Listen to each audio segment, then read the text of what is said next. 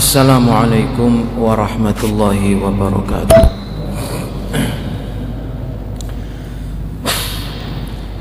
Bismillahirrahmanirrahim. Alhamdulillahi rabbil alamin.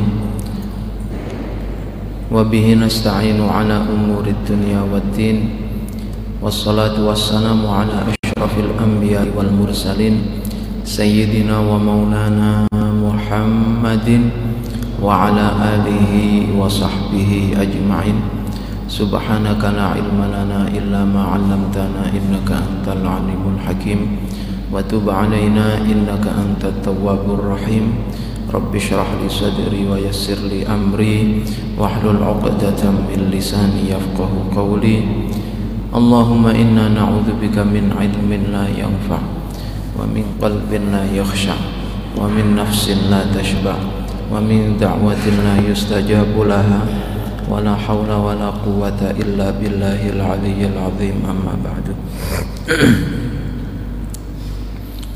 بسم الله الرحمن الرحيم واعلم أنه إذا كان لك إذا كان لك وكيل Nah ini muka-muka yang benjeng pun tuki kitab ini kita tereng tuki-tuki.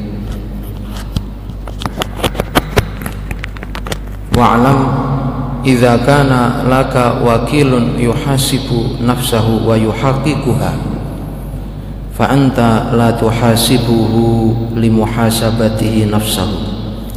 Wa in kana wakilan ghayra muhaqiqin li nafsihi fa anta tuhasibuhu wa tuhaqiquhu wa tubalighu fi muhasabatihi. Wa'lam lan ngerti sira annahu ing sak temene kelakuan. Iku idza kana ing dalem nalikane ana iku laka keduwe sira sapa wakilun wakil.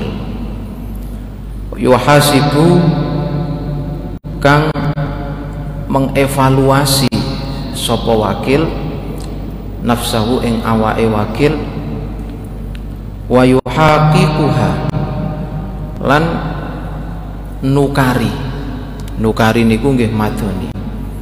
Wa yuhaqiqu halan nukari sapa wakil ing nafsu. Fa anta mongko utawi sira iku la tuhasibuhu ora mengevaluasi sapa sira ing wakil. Limuhasabatihi krana mengevaluasine wakil nafsu ing awake wakil ing awak dhewe wakil wa ing kana lamun ana sapa wakil iku wakilan wakil ghairu muhaqiqin kang ora nukari ora tukaran sapa wakil ora ora nukari sapa wakil ora madoni sapa wakil. Nafsahu ing li nafsihi maring awak dhewe wakil fa anta mongko utawi sira iku tuhasibuhu bakal mengevaluasi sapa sira ing wakil. Wa tuhaqiquhu lan bakal madoni utawa bakal nukari sapa sira ing wakil. Wa tubalighu lan bakal nemen-nemeni sira fi muhasabatihi fi muhasabatihi ing dalem mengevaluasi wakil. Fa'ala hadza mongko ing atase iki-iki perkara. Fa'ala hadza mongko ing iki-iki perkara yang bagi sebaiknya. Yang bagi sebaiknya opo ayakuna yen ono opo amaluka amal sira kulluhu ya sakabehane amaluka. Iku lillahi ta'ala kedue Allah ta'ala. Wala tarolan ora ningali sira annaka ing sak sira. Iku alu nglakoni penggawean. Iku alu nglakoni sira fi'lan ing penggawean. Wallahu ta'ala utawi Allah ta'ala iku la yuhasibuka. Ora mengevaluasi sapa Allah ing sira wala yuhaqiquka lan ora nukari sapa Allah ing sira. Bismillahirrahmanirrahim. Nah setelah kemarin sampeyan tak kandani bahwa jalan untuk menuju taubat itu adalah dengan memperbanyak angen-angen tentang umur yang telah diberikan oleh Allah. Dan umur yang diberikan oleh Allah kepada kita itu terdiri dari dua yaitu siang dan malam hari. Maka yang kita angen-angen yang kita tafakuri yang kita evaluasi itu adalah siang hari dan malam hari ketika masuk malam kita mengevaluasi siang hari ketika masuk siang pagi hari kita mengevaluasi apa yang kita kerjakan di malam hari. Nah, niku adalah jalan ben kita niki diparingi taubat senantiasa bertaubat oleh kepada Allah taala. Carane bagaimana awak dewi isok njaluk sepuro nek dewek dewi ora tahu ngerti kesalahannya di mana. Mangkano tiang melbu sekolah niku butuh absen. Kula niku paling napa jenenge? Paling paling getol. Ngengken tiang ngabsen murid niku kula paling getol. Mergi napa? Bagaimana kita bisa dandani murid nek kapan awak dhewe orang duwe data Oke, kalau kita tidak memiliki data tentang keaktifan. Begitu juga kita itu perlu data. Dawa iki nglakoni salah napa mboten? Terus kesalahan dewek niki teng pundi? Nah niki itu yang kita perlukan kesalahan kita itu di mana? Nah ini yang kita per ini yang kita perlukan. Makanya kita perlu tafakur kita perlu bermuhasabah dan muhasabah itu adalah jalan supados kita niki saged taubat. Dalile muhasabah niku napa? Pentinge muhasabah niku teng pundi? Pentinge muhasabah niku pentingnya muhasabah niku terletak nek kapan diangen-angen niku ngeten umpama awak dhewe niki duwe karyawan. Niki wa'lam. Annahu idza kana laki idza kana laka wakilun yuhasibu nafsahu wa yuhaqiquha sampeyan iki duwe karyawan duwe anak buah. Duwe santri. Duwe murid. Karyawan sampean iku setiap hari dia sudah mengevaluasi dirinya sendiri sampean duwe bawahan bawahane sampean iku wis ngitung penggaweane dhewe, sudah ngitung mengevaluasi penggaweane dhewe. Nah nek kapan dhewek nang duwe anak buah modele koyok ngene. Nomor siji bose niku seneng napa mboten? Seneng. Nggih napa mboten? Mesti bose seneng. Duwe anak buah wis utun. Iki misalnya sampean duwe karyawan Joko toko.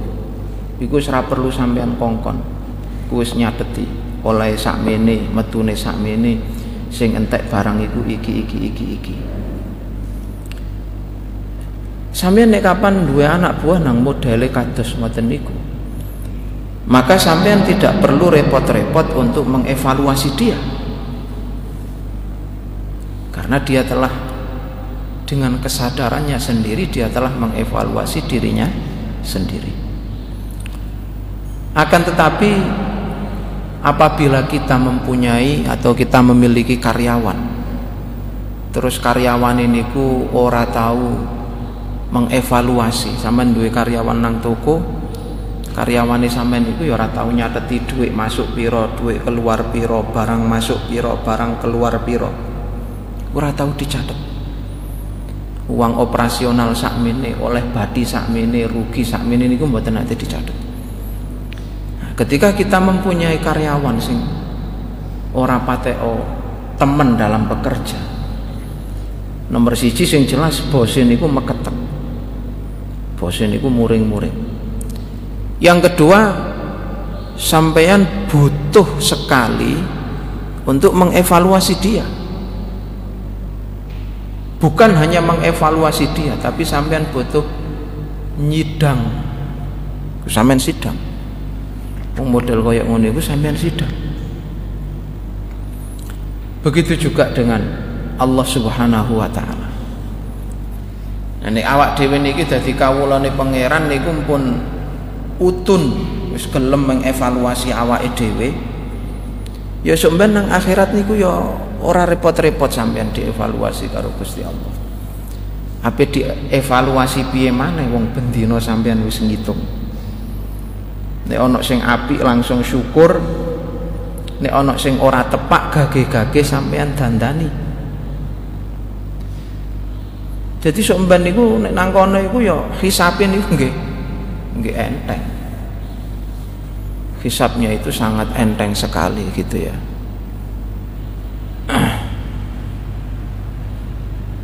Nah nek kapan awak dhewe urip nang donya niku wis ora temen blas dadi wong engla-engli.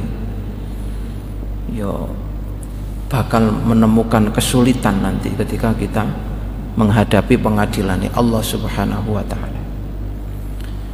Fa'ala hadza yanbaghi ayyakuna amaluka kulluhu lillahi ta'ala. Maka berdasarkan pola pikir seperti ini sebaiknya kita dianjurkan oleh Ibnu Athaillah As-Sakandari ayyakuna amaluka kulluhu lillahi ta'ala setiap amal yang kita kerjakan itu dasarnya adalah untuk beribadah kepada Allah Subhanahu wa taala. Nah, carane sampean iso amali sampean itu berdasarkan ibadah kepada Allah itu ya ya kudu takok, kudu duwe ilmu, harus bertanya. Supados amali sampean iso krana Gusti Allah. Gus, kula dagang. Ya napa dagang kula niki saged lillahi taala. Siji dagang niatono nyukupi kebutuhane menungso.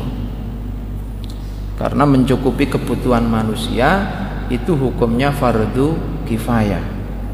Berarti dagangnya sampean oleh ganjaran fardu kifayah sampean sing dadi profesi tukang. Ya napa ben kula niki nukang kula saged lillahi taala. Sampean sampean niati kerjane sampean niki nyukupi kebutuhane menungso. Sampean kerja jahit jahite sampean niki sampean gawe nyukupi kebutuhane menungso. Mergo nyukupi kebutuhane menungso nulungi kebutuhane menungso niki termasuk fardu fardu kifayah. Kita bisa membayangkan seumpama nang payaman nang payaman iki ora ana wong sing iso nukang ora ana wong iso jahit ora ana wong dodolan beras. Yang terjadi apa? Makmur nopo rusak? Rusak. Maka kalau dilihat dari pola pikir seperti ini pola pikir nyukupi kebutuhane menungso ben uang iku iso tuku beras ben uang iku sing butuh klambi butuh no klambi niku onok sing ngladeni ben wong sing butuh wedi ana sing nyediakno. Ben wong sing butuh bangun ana sing ngewangi. Maka kalau dilihat dari pola pikir seperti ini sebenarnya profesi sing sampean lakoni itu dasarnya adalah mencukupi kebutuhannya menungso sehingga nek kapan dasar penggawaian sampean iku nyukupi kebutuhannya menungso itu menjadi fardu kifayah. Berarti kalau dilihat dari pola pikir seperti ini wong nukang iku ya aslinya fardu kifayah. Mau wong sak piaman kene ora ana wong sing iso nukang ya kedusan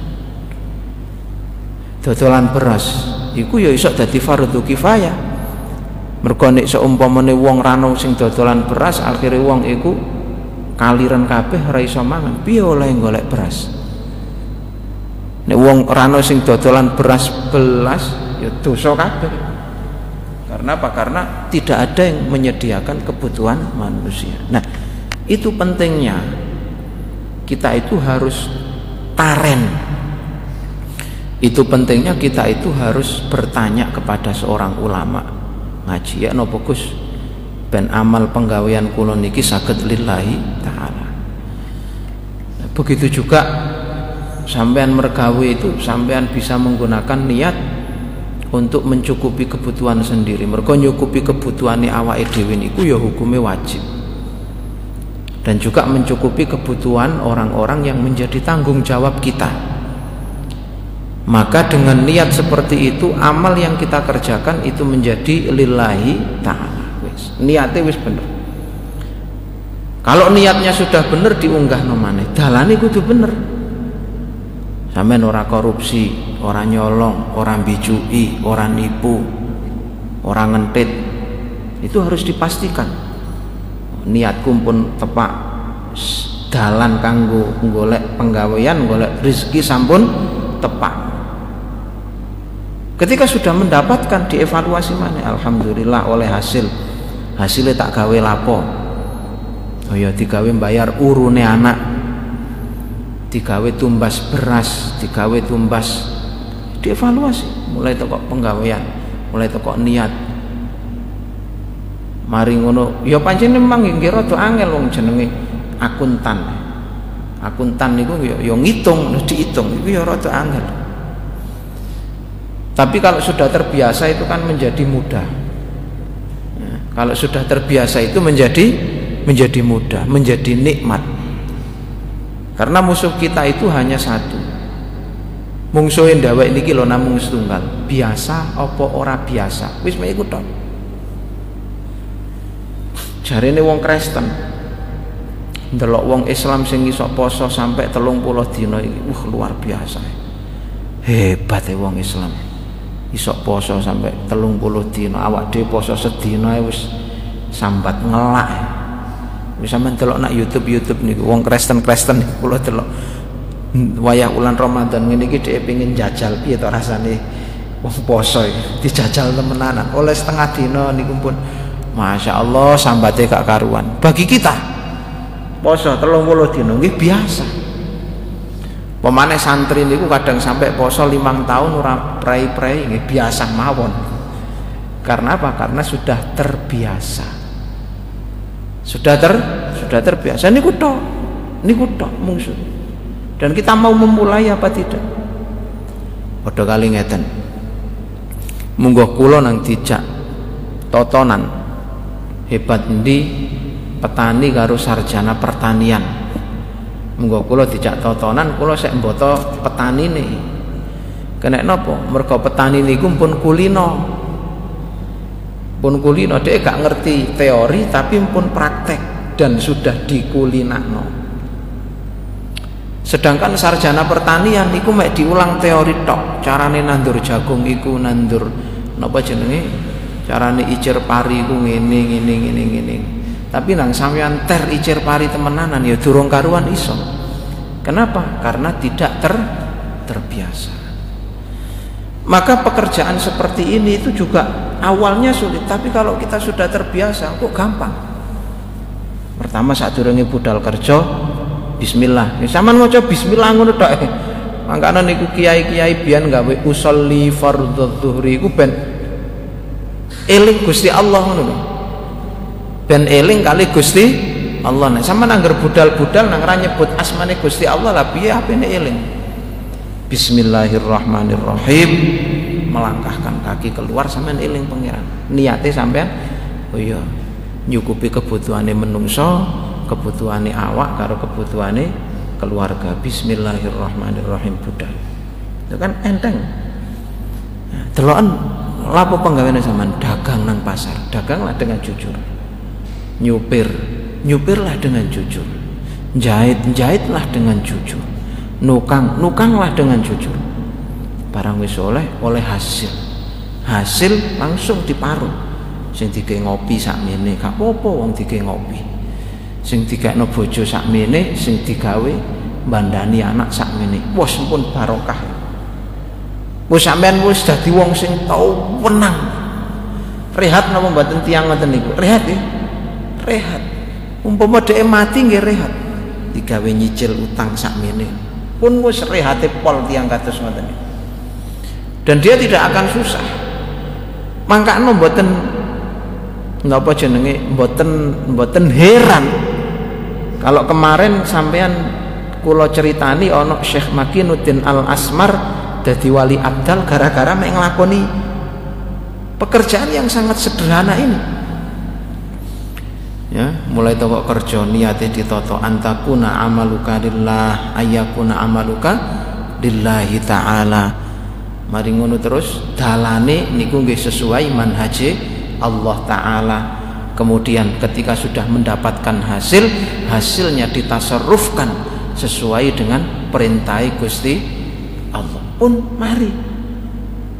Nanti di, di hari kiamat hisapnya wenteng hisapnya enteng. Ayo kon urip lapo wae. Pun kula pun kulino Gusti. Niki catatan kula. Wis mari. Ben ben dinten pun kula evaluasi. Ya kira-kira ya wis mari-mari iki iki karyawan iki. Iki karyawan sing ranking siji. Kira-kira malaikate nggih ngoten.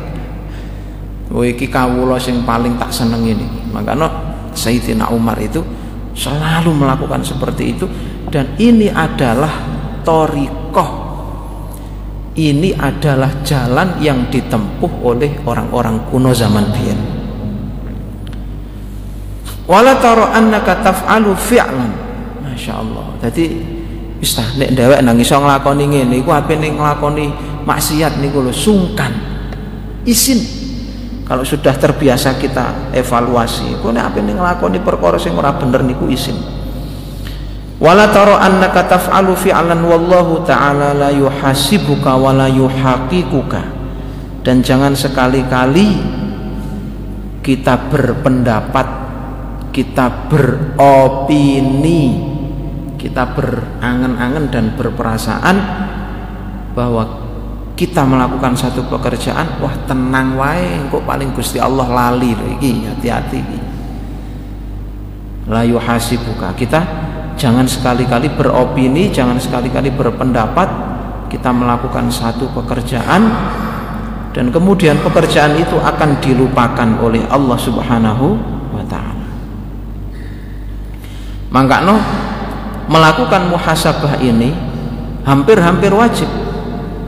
Allah Ta'ala dawuh Ya ayyuhalladzina amanu taqullaha wal tanzur nafsun ma qaddamat lighad wattaqullaha innallaha khabirun bima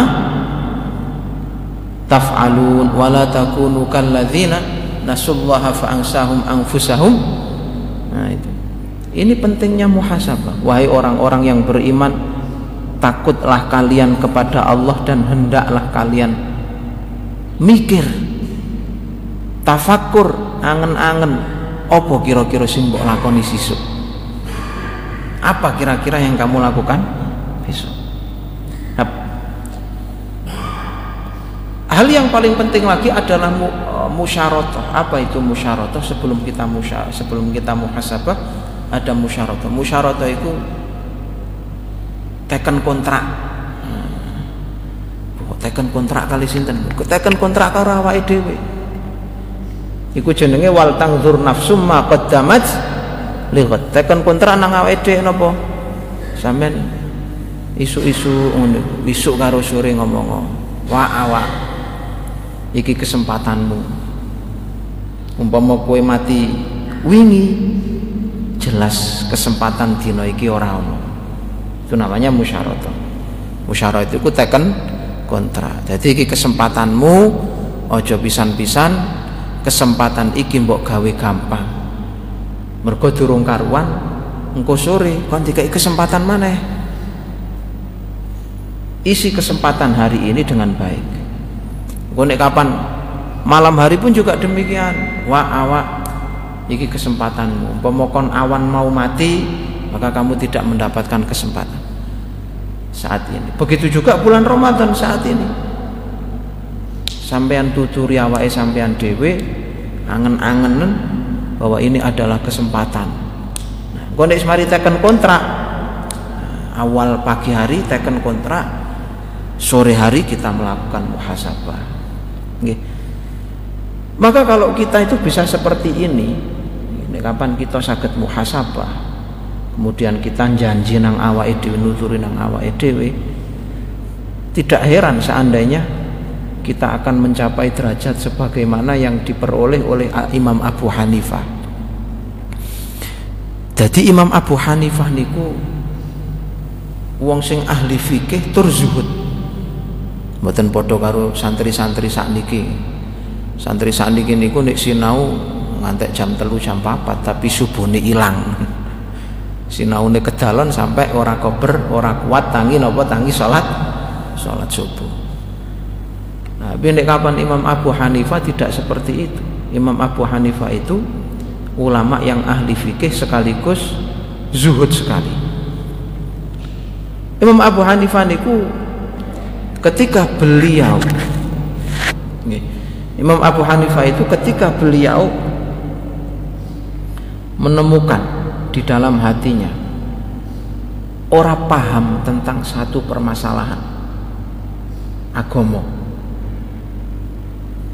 jadi di sinau terus sinau tentang ilmu agomo mbah niku fikih napa niku angen-angen tentang Al-Qur'an napa niku sinau tentang hadis Ketika Imam Abu Hanifah menemukan kemuskilan, beliau ini dawuh ngeten.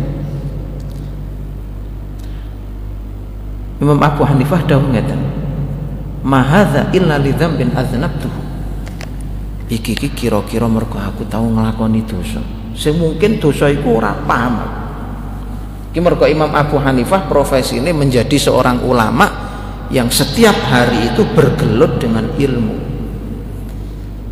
ini kapan mungkin diterapkan dalam kehidupan sampeyan yang profesinya itu bekerja? Ya minongkong ini umpamane. Umpamane sampeyan kena ujian dalam hidup sampeyan. Ini ulama kan diuji orang paham. Kalau ilmuwan itu kan diuji dengan ketidakfahaman itu kan wis ujian yang luar biasa itu. Bagaimana saya ini sebagai seorang ulama kok gak paham? Tidak bisa memecahkan satu permasalahan. Ini pun ulama Nah, kalau kita orang awam yang sak bendinane niku mergawe golek nyukupi awake dhewe nyukupi keluargane kan misalnya ujiane napa berarti nek kelasnya dhewek kelasnya dhewek niku nggih ujiane rezekine seret niku kelasnya awak dhewe.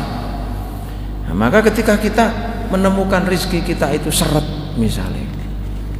Ya kita ngomong sebagaimana yang disampaikan oleh Imam Abu Hanifah mahadha illa lidzambin adznabtu kira-kira iki mergone aku nglakoni dosa. Sing mungkin saya tidak sadar bahwa itu adalah dosa. Wa kana yastaghfir wa rubbama qama wa shalla fatankashifu lahul masalah.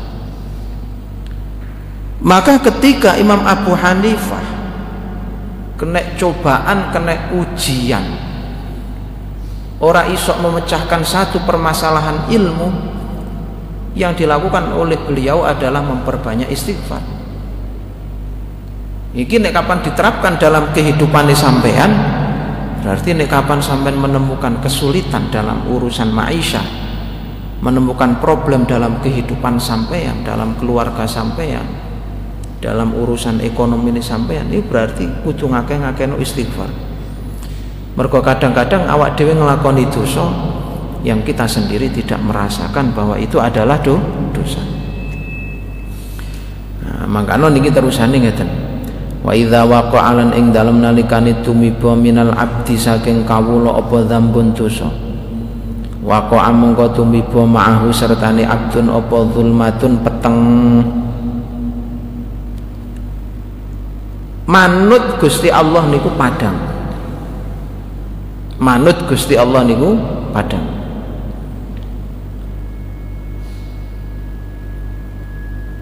Bangkel tekok Gusti Allah niku peteng. Wis niku tok kok idahnya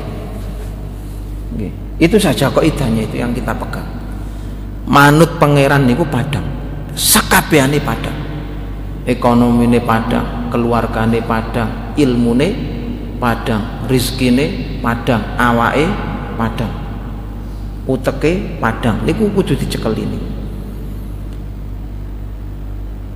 Dan berengkel dari apa yang telah digariskan oleh Allah Subhanahu wa taala. Niku petang. Segala-galane petang oleh sebab itu Ibnu Abbas niku nate dawuh innalil hasanati nuran fil qalbi. Sesungguhnya amal kebaikan. Amal kebaikan. Amal kebaikan itu mesti ndadekke padang.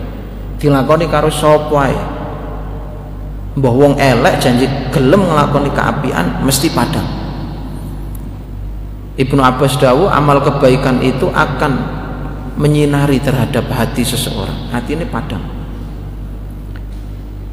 wa zainan fil wajhi. Wajahnya terlihat berseri-seri.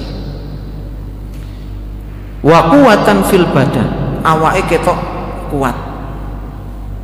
Ora loro-loronen wasaatan fil rizki rizkine jembar. Wa mahabbatan fi qulubil khalqi disenengi wong akeh. Mangkakno kita sering kali ndelok wong soleh. Ora perlu kiai ndelok wong soleh. Wong sing sergep ngamal apik. Awak dhewe ndelok tok niku pun rasa seneng.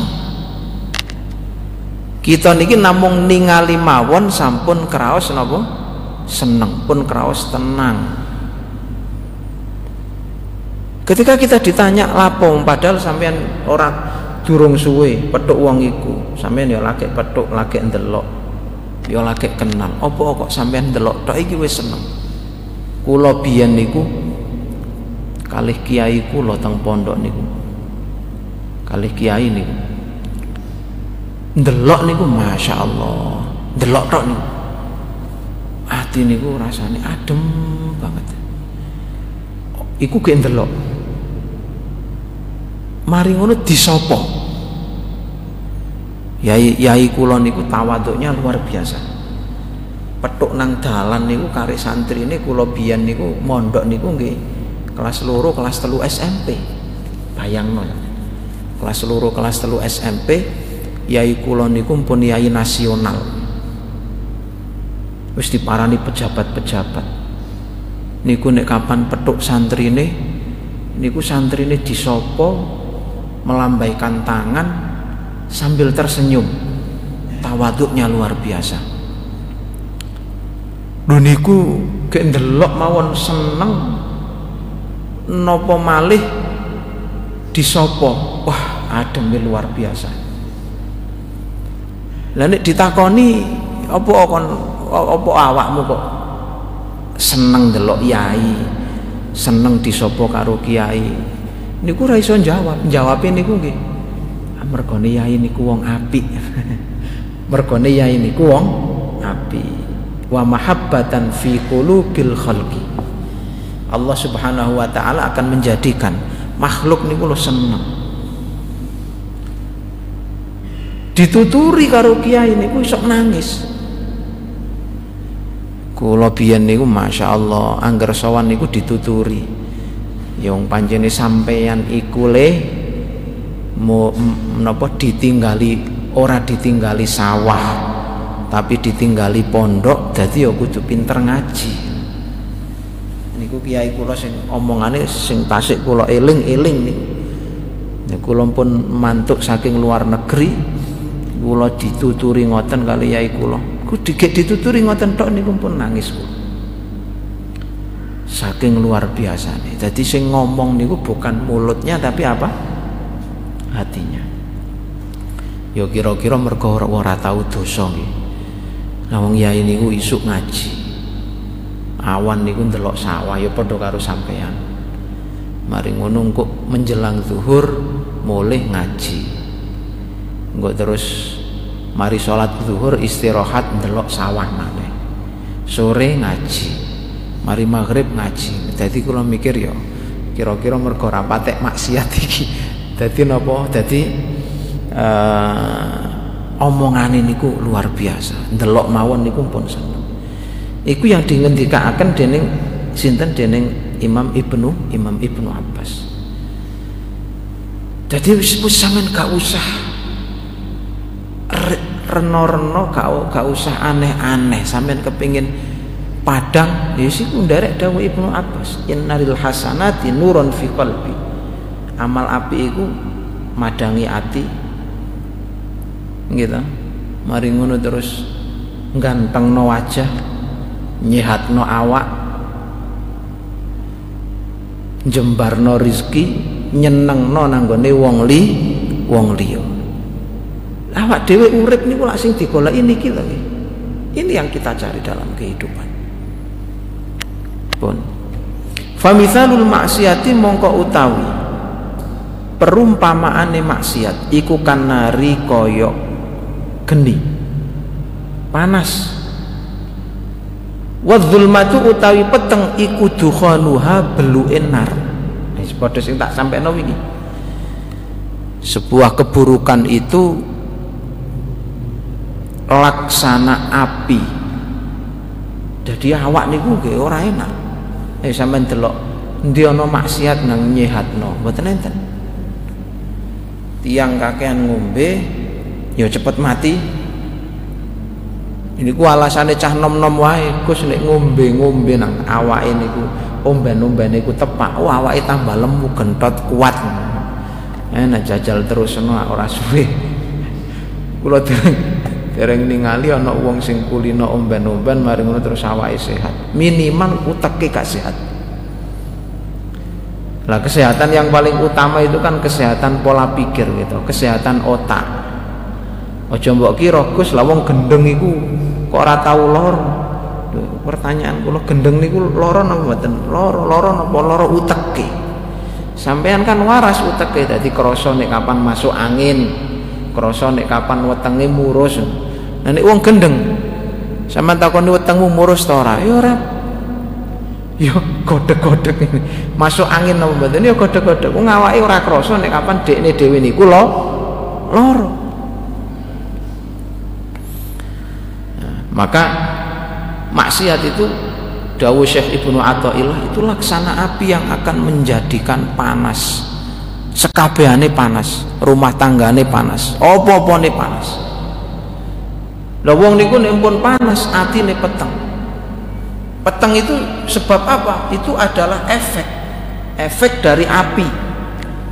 Akibat sampean obong-obong iku mesti metu beluke. Lah beluke iku sing ndadekno kabut menutupi pandangan jernih dari hati seseorang kaman ukida kaman kaya uang ukida kang den urupake sapa man fi baitin ing dalam omah sabaina ing pitung puluh apane sanatan taune. Ala taro ono to ora ningali sira? Annahu sak temene man iku yas yaswaddu. Dadi ireng sapa man? Padha kalih ngeten. Zaman biyen niku ana lampu oblik gitu. Zaman biyen ada lampu oblik. Lampu oblik dilebokno nang jero kamar ya niku biyen cilikan kula niku mari ngono kamare ditutup tangi turu kok irunge wis ana ireng-irenge. Mergo kenek napa? Beluke lampu oblik. Nggih napa mboten? Sampeyan api-api misalnya nggih to sampeyan api-api. Nak jero ruangan. Nak jero ruangan. Nah, sama nak jero ruangan iku sampeyan ora diobong. Tapi di jero ruangan itu sampean gawe api unggun. Dan di dalam ruangan itu tidak diberi ventilasi agar asapnya keluar tapi di jarno mulak nang kono. Pitung puluh tahun sampean dolok di kono pitung puluh tahun. Kira-kira sampean tambah bening nopo tambah belerek maka yang ada niku belerek gitu mboten? Tapi yang sampean kebeluan? Kena napa? Kena beluk. Metu-metu niku pun Masya Allah Mbak Nora diobong kayak kebeluan tok niku dadi ireng. Begitu juga dengan maksiat. Maksiat itu yang melakukan adalah tubuh kita. Sing ngombe niku cangkeme. Sing ngentit niku tangane. Sing ngrasani niku lambene. Gitu. Sing nginceng niku mripate. Tapi sing kesababan beluk niku ati atine mangkano atine niku dadi ireng ireng ireng pet niku gara-gara napa diobong lewat mata, dibakar lewat mulut, dibakar lewat tangan, dibakar lewat perut. Jadi ketika kita melakukan satu kemaksiatan, iku nek kapan no hakikat kemaksiatan Allah Ta'ala itu sebenarnya adalah api yang masuk ke dalam tubuh kita kadzalika koyok mengkono-mengkono man kita al qalbu utawi ati. Yaswaddu dadi ireng apa al qalbu bil maksiati kelawan maksiat. Falayat hur mongko ora bisa suci. Apa qalbu illa taubati kejaba kelawan taubat ilallahi maring Allah. Taubat niku balik fasara mongko dadi apa adzullu ino zulmatan ing peteng wal hijabulan aling-aling mukorinan kang barengi lil maksiati maring maksiat. Fa idza tubta mongko ing dalem nalikane taubat sapa sira ilallahi maring Allah zalat mongko ilang opo atharudz dzunubi pira-pira labete dosa. Iki tak terusno ceritane Imam Abu Hanifah niki mau Nah Imam Abu Hanifah itu ketika dia melakukan kena belai orang isok paham tentang ilmu dia langsung istighfar. Karena mungkin dia merasa di dalam hatinya saking resi hati Imam Abu Hanifah sampai onok kena reget saitik niku langsung krosok padha karo sampeyan nek kapan sampeyan gemi duwe montor mari ngono montor iku sampeyan resiki terus sampeyan pesuti bendino sampeyan mari duwe omah anyar keramike sampeyan pel bendino aja kok telek lantung belduk mawon krasa. Nggih napa mboten? Padha karo wong sing gemi mesuti montore gitu. Wong sing gemi mesuti montore. Iku montore belduk saitik ngene langsung njukuk kanebu langsung dilus. Saking nopo? Saking kelingone mobil niku. Lah Imam Abu Hanifah itu juga begitu. Saking bening atin Imam Abu Hanifah. Sehingga di saat beliau menemukan satu kemuskilan di dalam memahami ilmu dia langsung kerosok mahadha illa lidham bin aznabtuhu iki jelas kambing hitamnya adalah dosa. Wong aku biasanya pinter kok saiki dadi goblok ndodok iki jelas ana sing ra tepat. Maka dia beristighfar. Barang mari istighfar kadang dia sholat melakukan amal baik dia mari istighfar mari sholat. Ngono terus saidik kok saidik kok saidik diberi faham oleh Allah. Oh oh iya maksudnya ini tiba mendengarkan jadi nih kapan Imam Abu Hanifah niku kok terus pun faham? Pun faham. Imam Abu Hanifah niku biasanya terus muni ngeten rajautu anni qad tiba alayya. Koyok aku iki istighfarku diterima karo Gusti Allah. Nah ini kalau kita terapkan dalam kehidupan kita sebagai orang awam Maka kita melaksanakan seperti yang dilaksanakan oleh Abu Hanifah. Ini kapan kena rezeki ini seret keluarganya rata tepat banyak-banyak baca istighfar kembali kepada Allah. Minta kepada Allah jaluk ben bundelan sing ono nang urip kula Gusti. Bundelan yang ada dalam rizki kula niki panjenengan udari. Udarine piye?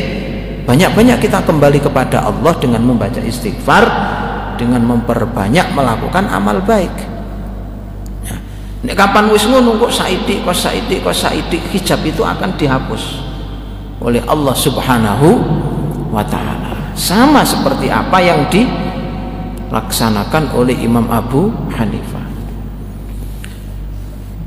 no cerita niki Fudel bin Iyad. Fudel bin Iyad niki termasuk wali ulama yang terkenal wali. Nangis. Fudail bin Iyad nangis. Sing ditangisin apa? Nah ya Imam Abu Hanifah kroso duwe dosa. Liwat muskil ora iso memahami ilmu. Iku krasa nek kapan dhek duwe dosa. Iku mergo saking beninge atine Imam Abu Hanifah. Niku dawuh Fudal bin Iyad. Lah awak dhewe jare Fudal lah awak dhewe. Umpamane motor ora tau dipesuti. Dadi kena belduk yo biasa wae. Awak dhewe niku pancen ora tau istighfar. Dijiwit karo Gusti Allah. Dikai seret nanggone rezekine. Ya ora krasa. Biasa mawon. Nah iki iki panjene sing buajingan niku panjene sing nipu aku loh maka maka itu yang apa namanya itu yang terjadi. Sampean akhirnya belayine sampean sampean ngelokno nanggone wong li wong liya. Sing kena belai sampean sing sampean salahno wong liya. Nek Imam Abu Hanifah mboten kena belai sing disalahno awake dhewe. Iki mesti ana dosa sing aku ora krasa maka kita pun harusnya demikian. Sebelum kita menghisap orang lain kita nyalah wong liya maka kita menyalahkan diri kita jangan-jangan ada dosa yang kita kerjakan sedangkan kita tidak faham ini kapan hati kita niki pun kulino di napa jenenge kulino dijak muhasabah apa pun yang terjadi dalam kehidupan kita kita akan sadar bahwa itu adalah peringatan saking Gusti Allah. Imam Abu Hanifah pun juga demikian. Iki peringatan teko pangeran. Jadi ora nyalaki sopo-sopo, tapi kembali lagi kepada diri kita sendiri. Ya niku mau ibaratnya wong sing ora tahu mesuti montore, montore dijarno belduken, omahe dijarno kotor, wis mari ngono kenek telek lantung, tiange lak biasa mawon tuh. Wah, pancene wis biasane ngono. Ngoten. Tapi nek kapan sampean kulino ngersiki omahe sampean ana telek cecek ora usah telek pitik, teleke cecek mawon napa jenenge nemplek ndek tekele sampean? Wis sampean wis krasa iki kotor ngarano kotor iki. Begitu juga yang yang kita alami, yang kita alami. Ketika kita mengalami satu musibah, kita langsung merasa itu terjadi karena kesalahan kita. Mun wala yadkhulu 'alaikal ihmalu wallahu a'lam bissawab. Bismillahirrahmanirrahim. Alhamdulillahirabbil alamin حمدا يوافي نعمه ويكافئ مزيده. يا ربنا لك الحمد كما ينبغي لجلال وجهك الكريم ولعظيم سلطانك. سبحانك لا نحصي ثناء عليك أنت كما أثنيت على نفسك. فلك الحمد حتى ترضى ولك الحمد إذا رضيت ولك الحمد بعد الرضا. اللهم صل على نور الأنوار وسر الأسرار وترياق الأغيار. ومفتاح باب اليسار سيدنا محمد المختار وآله الأطهار. وأصحابه الأخيار عدد نعم الله وإفضاله. اللهم أعنا في هذا الشهر المبارك على قيامه وعلى طاعته وعلى أداء حقوقه وعلى قراءته للقرآن وعلى عمل وعلى عمله الصالح. اللهم أعنا في هذا الشهر على ما تحبه وترضاه. اللهم وأعنا ووفقنا في هذا الشهر على ما تحبه وترضاه برحمتك يا أرحم الراحمين اللهم ارزقنا وجعلنا وأولادنا وذريتنا وأهلنا وجيراننا ومن أحبنا من عتقائك وطلقائك ونقذائك من النار اللهم اعتق رقابنا ورقابهم من النار اللهم اعتق رقابنا ورقاب آبائنا وأمهاتنا وأجدادنا وجداتنا وذرياتنا وأهلنا وجيراننا وأصدقائنا ومن أحبنا من النار. أعتق رقابنا ورقابهم من النار. اللهم ربنا ظلمنا أنفسنا وإن لم تغفر لنا وترحمنا لنكونن من الخاسرين. اللهم ارزقنا توبة نصوحا واختم أعمالنا بالحسنى. ربنا آتنا في الدنيا حسنة وفي الآخرة حسنة وقنا عذاب النار. وصلى الله على سيدنا محمد وعلى آله وصحبه وسلم. وآخر دعوانا الحمد لله رب العالمين. مولاي صل وسلم. دائما